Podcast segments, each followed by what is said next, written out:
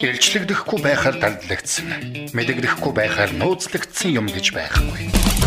Тиймээс эрдэм мэдлэгийг өртөж мэдгэсэд нь өөрсдийн гэрлээ ширээн дор бус ширээн дээр ил гаргаж байна. Brain Light Podcast тарих оюунда гэрэл асаая. Гэр бүлийн радио 104.5 Brain Light podcast эхлэхэд бэлэн болсон байна. За өнөөдөр хууль эрх зүйн талаас иргэдэд мэдлэг мэдээлэл олгох болно. За өнөөдөр Сонгон архын дүүргийн иргэдийн хэргийн анхан шатны шүүхийн эвлэрүүлэн зууршлагч тунгалаг хүрэлцэн ирсэн байна. За тэгэхээр өнөөдөр бол а эвлэрүүлэн зууршлах энэ үйл ажиллагааны талаар танилцуулах болно. Өдрийн мэнд хүргэе. Өдрийн мэнд хүргэе. Сайн байна уу? За Сонгон архын дүүргийн иргэний хэргийн анхан шатны шүүхийн эвлэрүүлэн зууршлагч тунгалаг байна. За эвлэрүүлэн зуурчлалын ажиллагааны талаар танилцуулга мэдээлэл хүрэхээр хүрэлцээрсэн байна. За илрүүлсэн зуучлалын тухай хууль маань 2012 оны 5 сарын 22-ны өдөр батлагдсан. А 2013 оны 4 сарын 15-ны өдрөөс эхлээд энэ хуулийг дагаж мөрдөж өнөөдрийн хүртэл одоо мөрдөж хэвж байгаа. За илрүүлсэн зуучлалын ажиллагаа гэдэг нь маань талуудын хооронд үүссэн маргааныг шүүхийн бус аргаар шийдвэрлэхэд илрүүлсэн зуучлалын тухай хуульд заасан үндэслэл журмын дагуу явуулж байгаа илрүүлсэн зуучлагчийн ажиллагааг илрүүлсэн зуучлалын ажиллагаа гэж нэрлэдэг байгаа. За эвлэрүүлэн зуучлагч гэдэг юм байна. Талуудын сонгосон буюу зөвшөөрсөн тухайн хэрэгэн маргаанд дэмжлэг үзүүлэх мэрэгсэн этгээдийг хэлж байгаа. За сонгон архан дүүргийн иргэний иргэн анхан шатны хувьд хоёр эвлэрүүлэн зуучлагч болоод нэг туслахын амтаар үйл ажиллагаа явуулдаг байгаа. За тэгэхээр хүмүүст бол их тоо баримт их ойр байх бах. Ер нь бол 2020 он 21 он тий. Одоо энэ дуус дуусгар болж байна. Тэгэхээр 21 оны одоо тоон судалгааныг харуулвал тий. Ер нь бол Монгол хичнээн гэр бүл ялангуяа сонгон айхын дүрхт бол хичнээн гэр бүлүүд яг салж байгаа. Тэрнийх нь одоо насных нь одоо англиар нь аваад үзэх юм бол тий ямар учир шалтгаанаас болж ирэн гэр бүлүүд салдгийг. Тэгээ энэ дээр нь одоо эвлэрүүлэн зуршлах ажиллагаа бол явагдаж дээ тий ийм ийм шалтгаанаас болж байгаа учраас гэд. Тэгэхээр энэ тоо сонирн байгаа хэл та. За илрүүлсэн зуучлал маань иргэний холбогдлолтой хэрэг маргаан, иргэний эрх зүйн маргаан болоод хөдөлмөрийн ганцаарчилсан маргаан гэсэн гурван төрлийн маргаан дээр ажиллагаа явуулдаг. За таны аснасаар гэр бүлийн холбогдлолтой хэрэг маргаан 2020 оны хувьд 21 оны тайлан мэдээ маань одоогийн байдлаар хараахан гарааг байгаа учраас 20 оны байдлаар танилцуулахад нийт эвлэрүүлсэн зуршлах ажиллагаанаар 1997 өргөдөл хүлээж авсан байдаг. За 1997 өргөдлөөс а 375 өргөдөл нь гэр бүлийн холбогдолтой маргаан болоод үлдэгдэл буюу 1622 өргөдөл нь бусад маргаан орж ирдэг. За тэгэхээр нийт өргөдлийн маань 375 гэр бүлийн холбогдолтой өргөдөл хүлээж авснаас 2020 оны үед манай шүүхийн үед 36 маргааныг гэр бүлээдийг одоо эвлэрүүлсэн. А 299 гэр бүл бол буюу шүүхэд шилжих эвлэрүүлсэн зорилго ажиллагаа дуусгаруулаад шүүхэд хандах эрхийг нээж өгсөн гэсэн үг байна.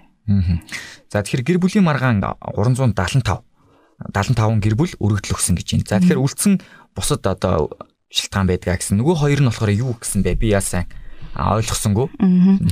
375 гэр бүл бол иргэний эрх зүйн маргаан иргэд хоорондын төвөг одоо нэг зээлийн асуудал гэдэг шүү дээ. Болоод банк, банк ус, банкуд одоо өргөн холбооны операторуудын иргэд хоорондын маргаан, банк хуулийн этгээд иргэд гэх мэтчлэн маргаанууд энэ маргаан дээр бас эвлэрүүлэн зуршлах ажиллагаа явагддаг юм уу тийм? Явагддаг. Энэ маань шүүхэд шийдвэрлэж байгаа хэрэг маргааны шүүхэд шилжихээс эвлэрүүлсэн зөрчилд хандсан маань илүү давуу талтай байдаг. Яагаад гэхээр цаг хугацаа хэмндэг. Аа нөгөө талаас улсын нэмэгдэлтийн хураамж буюу одоо нөгөө санхүүгийн тал дээр бас хэмнэлттэй байдаг. Эвлэрүүлсэн зөрчилөөр дамждаг нь. А за нөгөөх нь 3 юм байх шиг байна. Хөдөлмөрийн ганцаарчсан маргаан. Хөдөлмөрийн ганцаарчсан маргаан. Энд нь юу орох вэ? Энэ болохоор нөгөө ажлаас үндэслэгүүгээр халагдсан гэх маргааныг оруулсан. Аа зөв. А миний хувьд бол ойлгож ирсэн. За магадгүй зүгээр яг ингээд шүүхээр ингээд яваад одоо хэрэг хэрэгээ одоо ингээд шийдвүүлэхээр явж исэн хүмүүс бол ойлгож байгаа бах мэдж байгаа бах тий. А яг ингээд тэгж яваагүй хүмүүс бол эвдрүүлэн зуршлах гэхээр би одоо гэр бүлтэл хүн байдгийн болов уу гэж ойлгож ирсэн бол энэ бас маш өндөр тоог эзэлж идэм байх тий. Иргэний эрх зүйн болоод хөдөлмөрийн ганцаарчилсан маргааныг эвдрүүлэн зуршлах ажиллагаагаар одоо ингээд шийддэг Энэ бол маш өндөр тоог авдаг юм байна. За тэгэхээр энэ үйл ажиллагаа нь яг яг юу болдог вэ? Яг эхлээ шүүхтэр очиод өргөдөл аваад эсвэл шууд эхлээд өргөдлийн эвдрүүлсэн зуршлах төвд авчиж өгдөг юм уу? Ямар үйл ажиллагаа энэ явагдаж байна? Эвдрүүлсэн зуршлах төв маань шүүх тухайн анхаар шатны шүүхийнхаа байр нь байрладаг. Өргөдөл өгч байгаа хүн шууд эвдрүүлсэн зуршлах ажиллагаа өргөдлөө төвдөө манаа дээр шууд оруулж иж өгдөг гэсэн үг. За тэгээ өргөдөл өгөхдөө гэр бүлийн маргаа юм уу, иргэний маргаа юм уу гэдгээс хамаарат өргөдлөө бичээд хариаллын асуудал энэ дээр яригддаг хариал буюу өргөдөл гаргаж байгаа хүн маань уригдах тал буюу нөгөө хүнийхээ хариаллын дагуу шүүхгээд одоо тухайн хариа хүний амьдарч байгаа оршин суугаа хаягийн хариаллын шүүхт нь өргөдлөө өгдөг гэсэн үг. Хариал нь одоо яг маргаан үүссэн газарт нь байна уу эсвэл хүний амьдарч байгаа одоо хариал нь хамаартай амьдарч байгаа газар. Аа амьдарч байгаа оршин сууж байгаа одоо статустаараа одоо хүн штэ тийм ээ. За тэгэхээр одоо юу гэдэг чинь нэг нь одоо сонгоо ариханд өөр нөгөөт нь баян зүрхт өөрхт амьдардаг хүмүүс байхад маргаан хаан шийдэгддэг. Өргөдөл өгж байгаа хүн сонгоо ариханд байгаад аа нөгөө урагдж оролцох тал маань баян зүрхт өргөдөдөг бол баян зүрхт өргөн иргэн иргэн хашдны шүүхийн эвлэрүүлсэн зочлолт хандна гэсэн. Өөрөөр хэлбэл би өөр хаягаар биш нөгөө хүнийхээ хаягаар а явна гэсэн үг юм байна тий. За тэгэхээр яг энэ чинээс одоо ингээд нэг үйл явдлын процессыг бас танилцуулъя л да тий. Өргөдлөө өглөө а өргөдлийн хүлээж авлаа. Тэгээд эхлээд анхан шатных нь үйл ажиллагаа бол ерөөсөө шууд эвлэрүүлэн зуршлах ажиллагаа болдог гэж ойлгож болох уу? Тэгэхээр шууд шүүхийн одоо ингээ ямар нэгэн хууль эрх зүйн хүрээнд одоо асуудыг шийдэх биш. Иргэний эрх зүйн маргаан дээр бол талууд өөрсдөө эвлэрүүлэн зуршлах ажиллагаанд оролцох, эвлэрүүлэн зуршлалт өргөдлөө өгье гэж өөрсдийнхөө хүсэлтээрээ өгдөг. А гэр бүлийн холбогдолтой хэрэг маргаан дээр бол гэр бүлийн тухай хуульд зааснаар эвлэрүүлэн зуршлах ажиллагаагаар заавал дамжсан байх ёстой гэсэн шаардлага тавьдаг. Тэр хүрээнд гэрлэгчид гэр бүлээ цуслуулахаар шүүхэд хандахдаа эхлээд эвлэрүүлэн зуршлах буюу манай ажиллагаагаар заавал орно гэсэн үг. За өргөдөл гаргаад өргөдөл хүлээж аваад зуршлагчд хуваарлагдсанаас хойш 30 хоногийн хугацаатай За шаардлагатай тохиолдолд талуудын хүсэлтээр энэ хугацааг дахин 30 хоногоор сонгох боломжтой байдаг. Нийтдээ 60 хоногийн хугацаанд тэр асуудлыг шийднэ гэсэн үг байна. Аа. Нийтдээ 60 хоногийн хугацаанд тэр асуудлыг шийдэх нь тий. Тэгэхээр ер нь бол гэр бүлийн хувьд бол ингээ маргаан шийдүүлээд хооронд нэвтрүүлэх гэж байна. За иргэний эрх зүй хөдөлмөрийн ганцаарчилсан маргаан дээр талууд бол яг ингээд өөрийнхөө одоо эрхийг авах гэдэг өөрийнхөө одоо ингээд даваа эрхийг одоо авахын тулд л явж байгаа юм чинь энэ эвдрүүлэн зуршлах одоо энэ үйл ажиллагаанд хамрагдах нь тэдэрч ямар ашигтай. Аа. Тэг энэ бол ерөөсөө маш даваа талтай. Талууд аль аль нь сэтгэл хангалуун үлдэх боломжтой байдаг. Талуудын сайн дурын үндсэн дээр хийгдэж байгаа үйл ажиллагаа учраас а хооронд нь маргаана эвийн журмаа шийдвэрлэхэд эвлэрүүлсэн зорилгч маань дэмжлээ үзүүлж тэдэнд хууль эрх зүйн талаар зөвлөгөөг нөгөөд энэ асуудал эвийн журмаа шийдэгдснээр аль аль тал нь сэтгэл хангалуун үлдэх талын бүх хөдөлгөөний одоо арга хэмжээг нь авч өгдөг гэсэн. Аа шүүхэд хандаа шүүхээр асуудлаа шийдвэрлэхэд аль нэг тал нь гомдолтой үлдэх боломж байдаг бол эвлэрүүлэн зочлоор дамжснаар хоёулаа сэтгэл хангалуун үлдэх маргаанаа нэг нэгэндээ буулт хийж шийдвэрлэх боломжтой байхгүй. Тэгэхээр энэ төрлийн мэдээллийг ер нь бол хүмүүс яаж авдаг юм болоо? Би бол жишээлбэл одоо хин нэгэнтэй маргаан үүслэе гэж бодоход те. А тэрийг би шууд л одоо ингээд маргаан үсээ шүүхэн шүүхтээр ингээд боллоо шүү дээ. Хоорондоо зогсож чадахгүй болоо. Тэгэхээр шууд л үргэлж бичээл одоо шүүхтээ ингээд хандна. Магадгүй. Тэгэхээр энэ төрлийн мэдээллийг эхлээд наа нах хэвээр юм уу? Шүүхэн ингээд цааш нь шиглүүлж өгд юм уу? Ямар үйл ажиллагаа чи явж байна? Ер нь бол хууль эрх зүйн зөвлөгөөг өмгөөлөгч гэж хүн байдаг тийм ээ өмгөөлөгч өгдөг. А шүүхэд ханцсан иргэдийн хувьд бол чиглүүлэгчийн мэдээлэл авалгааны ажилтан шүүхийн нэг давхар суудаг ажилтан байна өгдөг.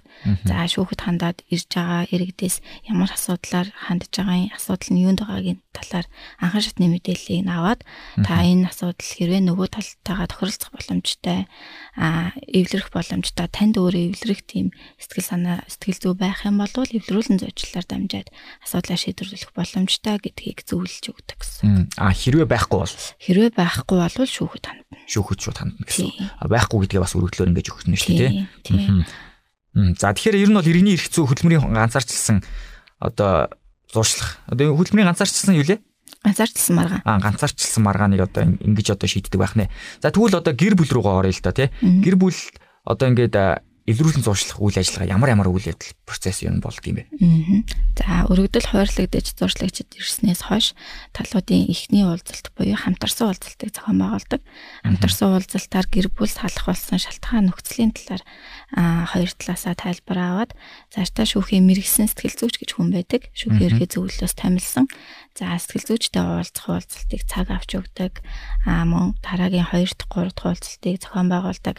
Шаардлагатай гэж үзвэл тэдгээр хоёр гэрлэгчдийн аа ойр дотны аав ээж ах дүү тий төрөл төрөсөд хамаатан саднаас нь хүмүүсийг оролцуулах боломжтой байдаг.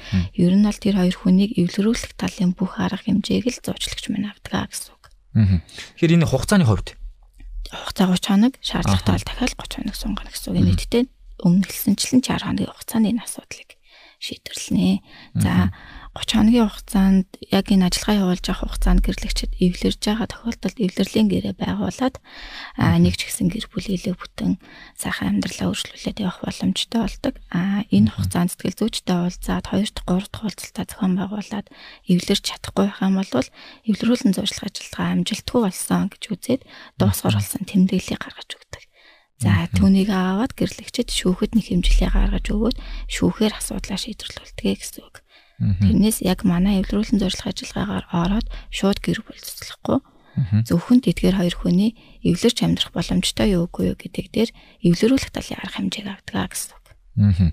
Тэгэхээр эвлэрүүлэх талын арга хэмжээг нь илүү ингээд одоо мэдмээр байна л та. Учрыг юу гэх юм бол иргэд ишээ ингээ очоод тий магадгүй одоо ингээ яг нэг салыг шийдсэн байгаа хүмүүс бол эвлэрэх тийм хүсэл эрмэлзэлтэй бол байхгүй бах тий. За баг ингээл нэг юм хугацаа өгдөг гэсэн энэ хугацаанд нэг юм гүйцэл túсэн болоод тэгэл болий тий. Эсвэл юу гэдэг чинь 30 хоногийн арай гэж дууссан гудаа шууд өргөлөө өчөө салыг гэдэг дэрэг чи гэдэг юм уу тий. Энэ яг ямар юугаараа давуу талтай яг яг үнэхээр хідэн хувь нь буцаж эвлэрэх боломжтой байдгийг. Тийг нь бас мэддүүл бас хүмүүст нэрээ бас гурлаа. Магадгүй хоёр талын нэг тал нь бас нэг буцаад эвлэрчий гэсэн хүсэл байдаг. Нөгөө тал нь бол огтоос би эвлэрэхгүй гэсэн шийдвэр гаргацсан байдаг тий. Гэтэл яг энд хандах нь яг юугаараа илүү давуу тал байгаа. Аа. За 2020 оны хувьд бол эвлэрүүлэн зорчлолт гаргасан гэр бүлийн маргаан 375 өргөдлийн а 10 36% буюу 36 гэр бүл нэвлэрсэн гэж би өмнө хэлсэн тийм ээ. Энэ маань нийт гэр бүлийн холбогдлолтой гаргасан маргааны 12% нэвлэрсэн үзүүлэлттэй байгаа. За таны хэлснээр шүүхэд хандж байгаа тохиолдолд эдгээр хүмүүс маань эцсийн шатанда ороод олон жил ингээ гомдож нэгэндээ тунж явсаар агаад за одоо үнэхээр бүтэхгүй болохгүй юм байна гэдэг эцсийн шийдвэрээ гаргаад шүүхэд ирж байгаа учраас тэдгэрийг эвлэрүүлэх талын арга хэмжээ? Эвлэрэх тал ер нь жоохон хүндрэлтэй байдаг асуудал нэгэнд хүндэрсэн байдаг гэсэн үг. За эхний уулзалтаа эвлэрүүлэн зорилгч маань хийгээд аль талуудынхаа хүсэл зоригийг сонсоод энэ хоёр хүн цаашдаа ямар арга хэмжээ авах уу, яаж энэ хүмүүстэй харилцах уу, сэтгэл зүйчтэй уулзуулах уу яах вэ гэдгээ ер нь бол өөрийнхөө арга барилаа тодорхойлдог гэсэн үг. За тэгээ сэтгэл зүйчтэй мэрэгсэн сэтгэл бид нар бол эрх зүйч мэрэгжилтэй хүмүүс учраас мэрэгсэн одоо эвлэрлэн зуршлагч боловч сэтгэл зүйч гэсэн мэрэгжлийн хүмүүс биш учраас бас яг сэтгэл зүйн талаас нь тэр хүмүүстэй бүр ингээд сэтгэл зүйчийн хэмжээнд ярилцаж чадахгүй учраас мэрэгсэн сэтгэл зүйч рүү чиглүүлдэг. За сэтгэл зүйч маань тэр хоёр хастаа уулзаад сэтгэл зүйчийн дүгнэлт гэж гаргадаг. За дүгнэлтээ бидэнд лөө явуулахаар дүгнэлтийг нь үндэслээд бас дараа дараагийнхаа уулзалтаа зохион байгуулах уу ямар ажиллагаа хийх вэ гэдгийг шийдвэрлэдэг гэсэн. Тэгэхээр энэ хуваарлт нь би ингээд илүү ингээд тодорхой мэдмээр байна л да. За сэтгэл зүйч рүү чиглүүлдэг юм байна. Сэтгэл зүйч нь ч гэсэн бас эвлэрүүлэн зуршлах ажиллагааны одоо нэг хэсэг байж тэ хамтран ажилтдаг нэг сэтгэл зүйч байж байгаа гэсэн үг тий тэнцэнэ байж байгаа. За тэгвэл сэтгэл зүйч нь тэр хүмүүсийг ингээд тодорхойлдог юм байна. За та хоёр ийм асуудлаас болоод ингээд ингээд тийм даалгавар өгөөч ч гэдэм үү тий ингээд явуулдаг. А гэтэл эрх зүйч нь яг тэнцээ яг ямар үйл ажиллагааг нь хариуцсан хийдэг юм бэ? Аа. Эрх зүйч буюу эвлэрүүлэн зурлагчийг хэлээд байна шүү дээ. Эвлэрүүлэн зурлагч маань талуудтай ганцаарчлсан болон хамтарсан уулзалтуудаа зохион байгуулдаг. За эхний уулзалт бол хамтарсан уулзалт зохион байгуулад аа тэр хоёр хүнийг анх одоо яаж танилцж байсан бүр ингээд дэлгэрэнгүй уулзалтын талаар ярил. Яаж танилцж байсан хэдэн жил хамт амьдарч байгаа? Аа тэгээд миний хувьд бол аль болох би биенийхэн сайн талыг нь яриулаад аа өнгөрсөн хугацааны гомдлыг нь яриулаад байвал улам бүр асуудал хүндрэх учраас хүүхдүүдийнхаа гол нь тэр хүмүүс маань гэр бүл хүүхдүүдтэй олцсон. Хамгийн нэм тэр өндөр хүүхдийн эрх ашиг хөндөгддөг учраас хүүхдүүдийнхаа ирээдүг бодоод би биэндээ буулт хийгээд мэдээж тэр хоёр хүнийг зүгээр явж яхад нийлгэж нийлүүлээгүй. Би биэндээ хайртай сэтгэлтэй болоод татагдаад энэ амьдралаа бусдын адил сайн сайхан амьдрахын төлөө эхлүүлсэн амьдрал учраас ингээд дуусгар болно гэдэгт үнэхээр итгэлтэй байна уу тий. Тэр талаас нь ингээд зөвлөхөө гэж ярилцдаг нэгсдөө баг ингээд сэтгэл зүйчийн үргийг ч гэсэн давхар хийж идэг юм байна штэ тий. А тэрнээс би бол тэгж ойлгоодсон байхгүй. За одоо ингээд нөгөө нэг эргэцэн хүрээнд нь хууль эргэцэн хүрээнд нь гарч байгаа үр дагаврууд энэ одоо яадаг тий. Тэтгэн тэтгэмж өгөх ёстой одоо их ёстой тий. Хүүхдэд одоо ийм ийм яадаг эцгийн одоо одоо ийм ийм хамтын ажиллагаа байж ээж одоо энэ гэр бүл одоо ингээд хооштойхоо одоо энэ хүүхдийнхээ асуудлыг ингээд шийднэ ч гэдэг юм эсвэл одоо юу гэдэг чинь салсан тэдэн хувь нь одоо тэгж өгдгөө гэдэг ийм одоо хууль эргэцэн одоо тайлбаруудыг тавьдаг юм болоо гэж би бол ойлгосон байхгүй гэсэн чинь баг сэтгэл зүйн үйлчлэгийг давхар үзүүлээд тэгвэл сэтгэл зүйн үйлч сэтгэл зүйч нь илүү нарийн явна гэсэн үг илүү тий. Бүр илүү нарийн гэсэн үг тий. Яг асуудал нь юунд байгаа юм те. Тэр талаар сэтгэл зүйч бүр илүү уулзалтай хийнэ гэсэн үг. Аа. За тэгэхээр гэр бүлүүд бас ер нь бол салахтаа зарим нь ингээд зүгээр ингээд хамтран амьдрахж байж байгаад ингээд салсан ингээд ийм нөхцөл байдалд бол яг энэ эвдрүүлэн зуршлах үйлчлэгээ авч болд юм уу? Үгүй.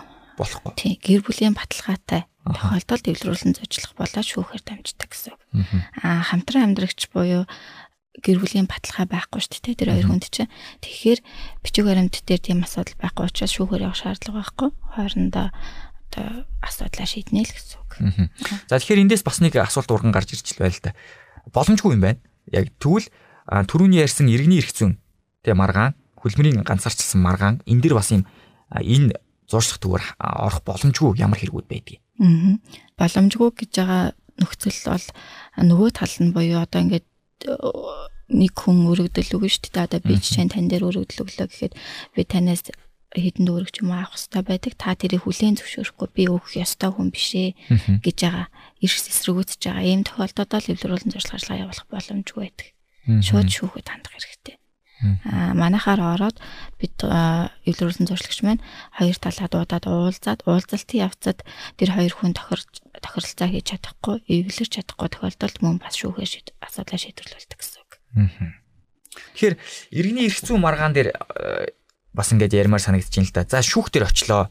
Нэгтэл нь одоо ингээд эвлэрхийг хүсэж байна. За нөгөө тал нь болохоор эвлэрхийг хүсэхгүй байна. За эвлэрхийг хүсэхгүй байгаа хүмүүст нь ингээд нэг гарах үр дагавруудыг бас хэлээл гэж бодож байна л да. Шуу шүүхээр хандах гэдэг хүмүүс те. 31%-ийн уг нь эвлэрээд идэг те. Ингээ хуваар ингээ аваад үзэх юм бол энэ их давуу талтай юм аа. Тэнгүүт чинь хүмүүс эвлэрхийг хүсэхгүй байгаа хүмүүс байгаад шүү дээ. Давуу талыг ойлгохгүй байгаа хүмүүс шүү дээ. Тэгэхээр энд одоо бас ингээд энэ гарах үр дагаврын те шуу шүүхээр хандсанараа танд ямар ямар эрсдэлтэй үр дагавар байд юм бэ? Ингээ хамрагдсанараа үйл ажиллагаанд ингээ хамрагдсанараа ямар давуу талууд бий болд юм бэ гэдгийг бас За хамгийн гол давуу тал маань эвлэрүүлсэн зурчлах ажиллагаагаар орсноор хоёр тал хоёулаа сэтгэл хангалуун үлдэх боломжтой.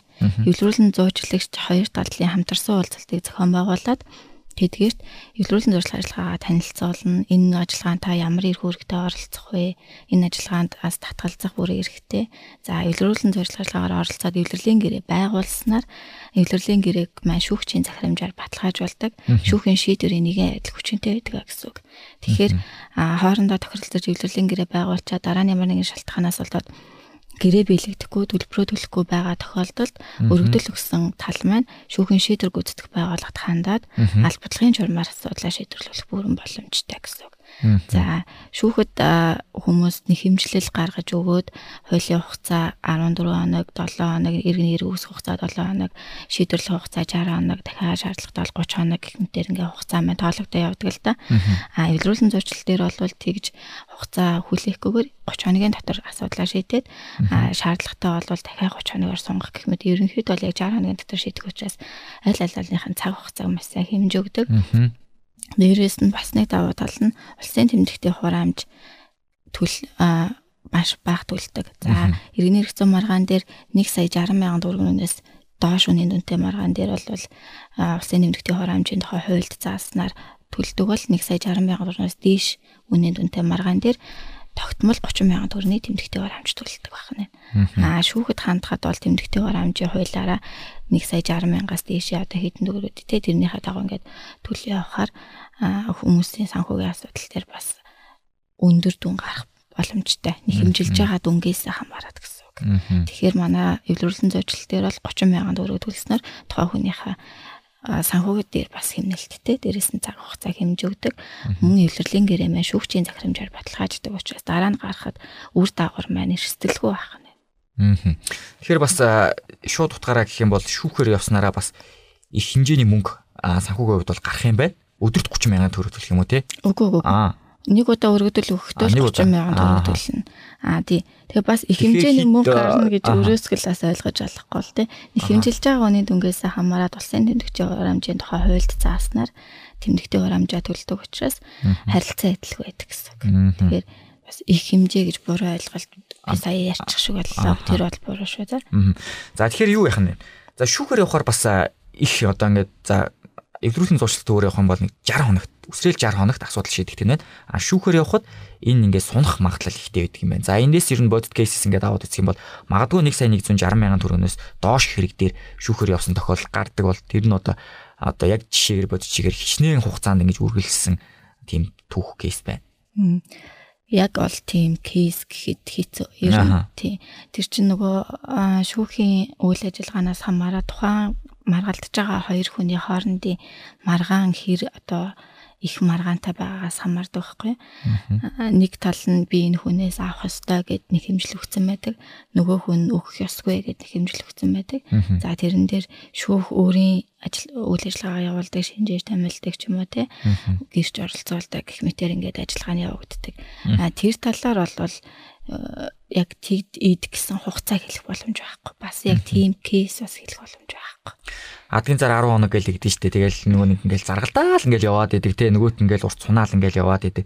Яг ингээд нэг дийлий гэсэн хандлагатай байгаад идэг те. Миний зөв би дийлий гэдэг хандлагатай ингээ байгаад идэг. Гэтэл уг нь бол эвлэрээд ингээд энийг ингээд тохиролцоод болгочоо гэдэг зүйл байх юм бол энэ уг нь нэг 60 хоногийн дотор айгүй хурдан шийдэгч асуудалтай юм ба шүү дээ. Урт байлаа гэж 60 хоног. Эр унаа сарын дотор шийдэгдэх боломжтой. Гэтэл шүүхээр ингээл явхад чинь нөгөө нэг ингээл нэг цагтаа гаргал явахаар тий ингээл байсыг айл ингээл дууддаг шиг шүүгчсэн бас яг тэгж дууддаг юм бол яад юм бол одоо нэг шүүх хурал нь болцсныхаа дараа дахиад нөгөө шүүх хурал нь болохын тулд ямар хугацаа зарлагддгийг тэр бас ингээд нэг юм би мэдүүл зүгээр юм болов уу гэж бодлоо. Тухайн маргааныхаа нөхцөл байдлаас л хамаарна. Тийм. За хамгийн ихний хугацаа бол өргөдөл өгөөд хэмжлэл шүүхэд гаргаж өгөөд 7 хоногийн дотор иргэний хэрэг үүсэх хэсгээ шийднэ. За 7 хоног иргэний хэрэг үүснээс хойш 60 хоногийн дотор тухайн асуудлыг шийдвэрлэнэ. Шаардлагатай бол дахиад 30 хоногоор сунгана. За тэгээ шүүхийн процесс дээр бас эвлэрэх боломжтой талууд шүүх дээрээ бас эвлэрэх бүрэн боломжтой байдаг. Тэгээ мэдээж аль болох шүүх байгууллагал тухайн хоёр хүний маргааныг эвийн журмаар хурдан шуурхаа шийдвэрлэх дээр ирмэлцдэг. Энэ тал дээр бүх үйл ажиллагаагаа явуулдаг. Аа Монгол улсын хувьд манай сонгон харгаан дүүргийн хувьд дүүрэг маань одоо хэмжээний хувьд том маргаан маш их ирдэг, ачаал их байдаг. Тэрнээс хамаарат магадгүй одоо жоохон маргаа удаашрах ч юм уу тохиолдол байдаг байх. Яг би шүүгч биш, шүүгчийн туслах биш. Учираас бүр нарийн процесс ажиллагааг нь бол төдийлөн мэдэхгүй. Миний ойлгож байгаагаар бол тийм байгаа л гэж бодож байна. За тэгэхээр эргээд гэр бүл рүүгээ орё гэж бодож байна. Бид нар бас багахан хугацаа үлдсэн учраас зарим нэг тодруулах зүйлсүүд байгаад байна. За гэр бүлүүд одоо яг ингээд эврүүлэн зуршлах төвд ингээд хамтлаа. Ер нь голцоо ямар маргаан дээр манай гэр бүлүүд ер нь бол хоорондоо салж сарних дээрээ тулцсан одоо тийм маргаан үүсдэг. Аа. За гэр бүл салах болсон шалтгаан маань хэд хэдэн нөхцөлтэй байдаг. Аа ажилгүйдэл байна харигдалт байна. Гэр бүлээс гадуурх харилцаа байна. За бас бие биенээ таньж мдэггүйгээс суудсан, хүүхдтэй олцсон энэ асуудлуудаас болоод гэр бүлээс алхалсан шалтгаан маш их одоо ирж байгаа. За тэгээд зөвхөн эрэгтэй хүн эмэгтэй одоо эхнэр нь өргөдөл гаргах тохиолдол өмнө нь их байдаг байсан бол одоо бол нөхөр бас өргөдөл өгөх тохиолдол нэлээд нэмэгдсэн. Тэгэхээр гэрлэгчдийн хин хинд нь л асуудал байна гэсэн.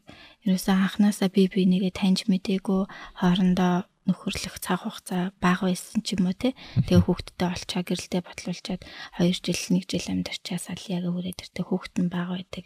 Энэ бүхний эцэст хамгийн одоо том хохирогч маань хүүхэд байдаг. Нэг хүүхэд, хоёр хүүхэд ч бай те. Тэр хүүхдүүд бол эцэг эхтэйгээ ээж аавтайгаа өсөх хэрэгтэй байдаг. Гэтэл ээж аав хоёр нь хоорондоо ойлголцохгүй байгаагаас шалтгаалаад хүүхэд аагүй ээж хүүсгэхэд боломж бүрддэг байна шүү дээ. Тэгэхээр миний зүгээс зүгээр анхааруулад ингээд хэлэхэд бол хоорондоо хамгийн эхлээд бие биенийгээ таньж мэдж агаад нэлийн удаан хугацаанд ингэж өөрсдөө таньж мэдж агаад тэгээд хүүхдтэй болоо тэгээ хамтын амьдралаа эхлүүлээсэй гэж боддгийг. Одоо бол айгүй залуучаад энэ 18 настай 19 настай хүүхдүүд гэр бүл цуслуулахаар өргөдөл өгдөг болсон хүүхдтэй хиттэй гэрлээд хиттэйгээ суслаад байгаа юм би тий харин тий одоо насны хөрөнгөт очиод батлуулчаад байхгүй одоо баг тий.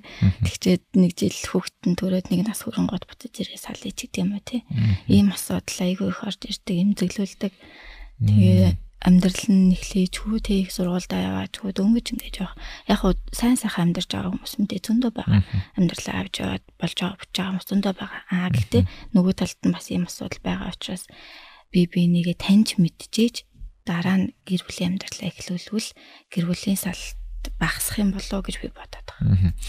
За энэ дэр нэг тал нь өргөдөл өгчлөө нөгөө тал нь хоёулаа зэрэг өргөдөл өгч одоо ингэж хандах боломжтой юм уу? Нэг тал нь өргөдөл өгөхөд а нөгөө хүний нь одоо ингээд дуудаж авцраад одоо ингээд асуудлыг шийдэг юм уу? Ямар ч тийм нэг тал нь өргөдөл өгөөд нөгөө талыг нь дуудаж уулзаад хамтарсан уулзалтаа зохион байгуулад асуудал дараа дараагийн уулзалтууд нь зохион явуулдаг. Хэрвээ дуудсан хугацаанд ирэхгүй байх юм байх юм бол одоо нөгөө нэг хуулийн хариуцлага үлээх үү? Эвлэрүүлэн зочлол дээр тийм байхгүй манайх уригдах тал буюу тэр хүнийг урьж ийн ажиллагаанд оролцуулдаг учраас халбаа арих утасны дугаараар нь залах нь мэдэгдэх хуудас гэрийн хаягаар нь явуулна.